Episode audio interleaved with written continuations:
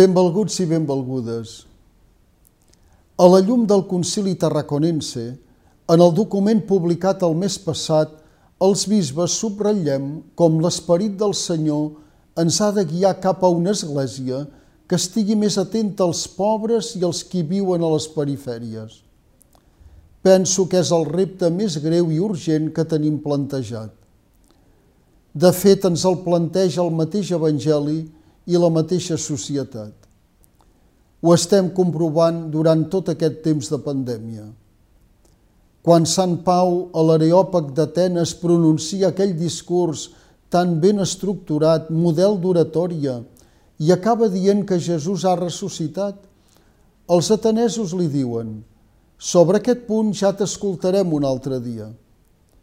Però quan la gent comença a veure que els qui es diuen cristians s'ajuden els uns als altres i atenen els pobres, venen els comentaris de sorpresa i el cristianisme comença a fer-se creïble als ulls de molts. Com diu la carta de Sant Jaume, si no es demostra amb les obres, la fe tota sola és morta. A l'exhortació apostòlica Evangelii Gaudium, el papa francès fa una afirmació que ja li va sortir del cor tan bon punt va esdevenir bisbe de Roma. Deia, desitjo una església pobra i per als pobres. Aquest és un element fonamental del temps eclesial que vivim des del Concili Vaticà II ençà. Afirmem, això ho afirmem els bisbes en el document de fa pocs dies. I afegim, el papa convida tota l'Església a considerar els pobres com a propers, com a primer proisme nostre, com els qui Déu escull com a amics seus i preferits del seu regne. En una paraula, l'Església ha de ser casa dels pobres, a imitació de Jesús, Messies dels pobres i dels malalts. I ho ha de ser donant alhora testimoni de transparència, honestedat i justícia social, tenint cura de la creació i entenent l'ús dels propis béns com a servei i disposició per als altres. Esdevé fonamental el testimoniatge de la pròpia comunitat cristiana. L'ús que fem dels propis béns de l'Església ha de ser el signe del que prediquem. Precisament avui té lloc la campanya de Mans Unides contra la fam en el món – Contagia solidaritat per posar fi a la fam, afirma el lema d'enguany.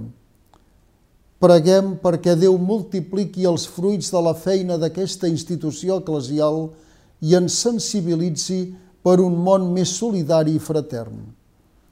Al mateix temps, demano al Senyor que rejuveneixi en esperit i en edat els seus voluntaris perquè no es tracta només de sostenir i atendre els pobres i els perifèrics des de la caritat, afirmem els bisbes, sinó fer que les perifèries siguin prioritàries, de manera que es converteixin en els llocs des dels quals l'Església reneixi amb nova força.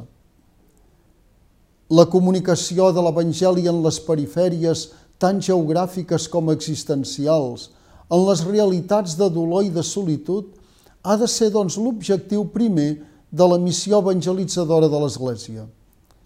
Perquè és aquí on la llum de l'Evangeli brillarà amb força gràcies a una Església que no tingui por de fer-se present en territoris i àmbits marginals, sovint replegats en si mateixos, però també sensibles i oberts a l'Evangeli de la Misericòrdia. Esdevé clar, per tant, que en aquest punt capdalt l'Església no es pot aturar ni en simples consideracions de tipus espiritual ni en accions merament caritatives. Ha de baixar l'arena de les conclusions concretes. El seguiment de Jesús té unes conseqüències socials pràctiques. Adéu-siau i fins la setmana vinent, si Déu vol.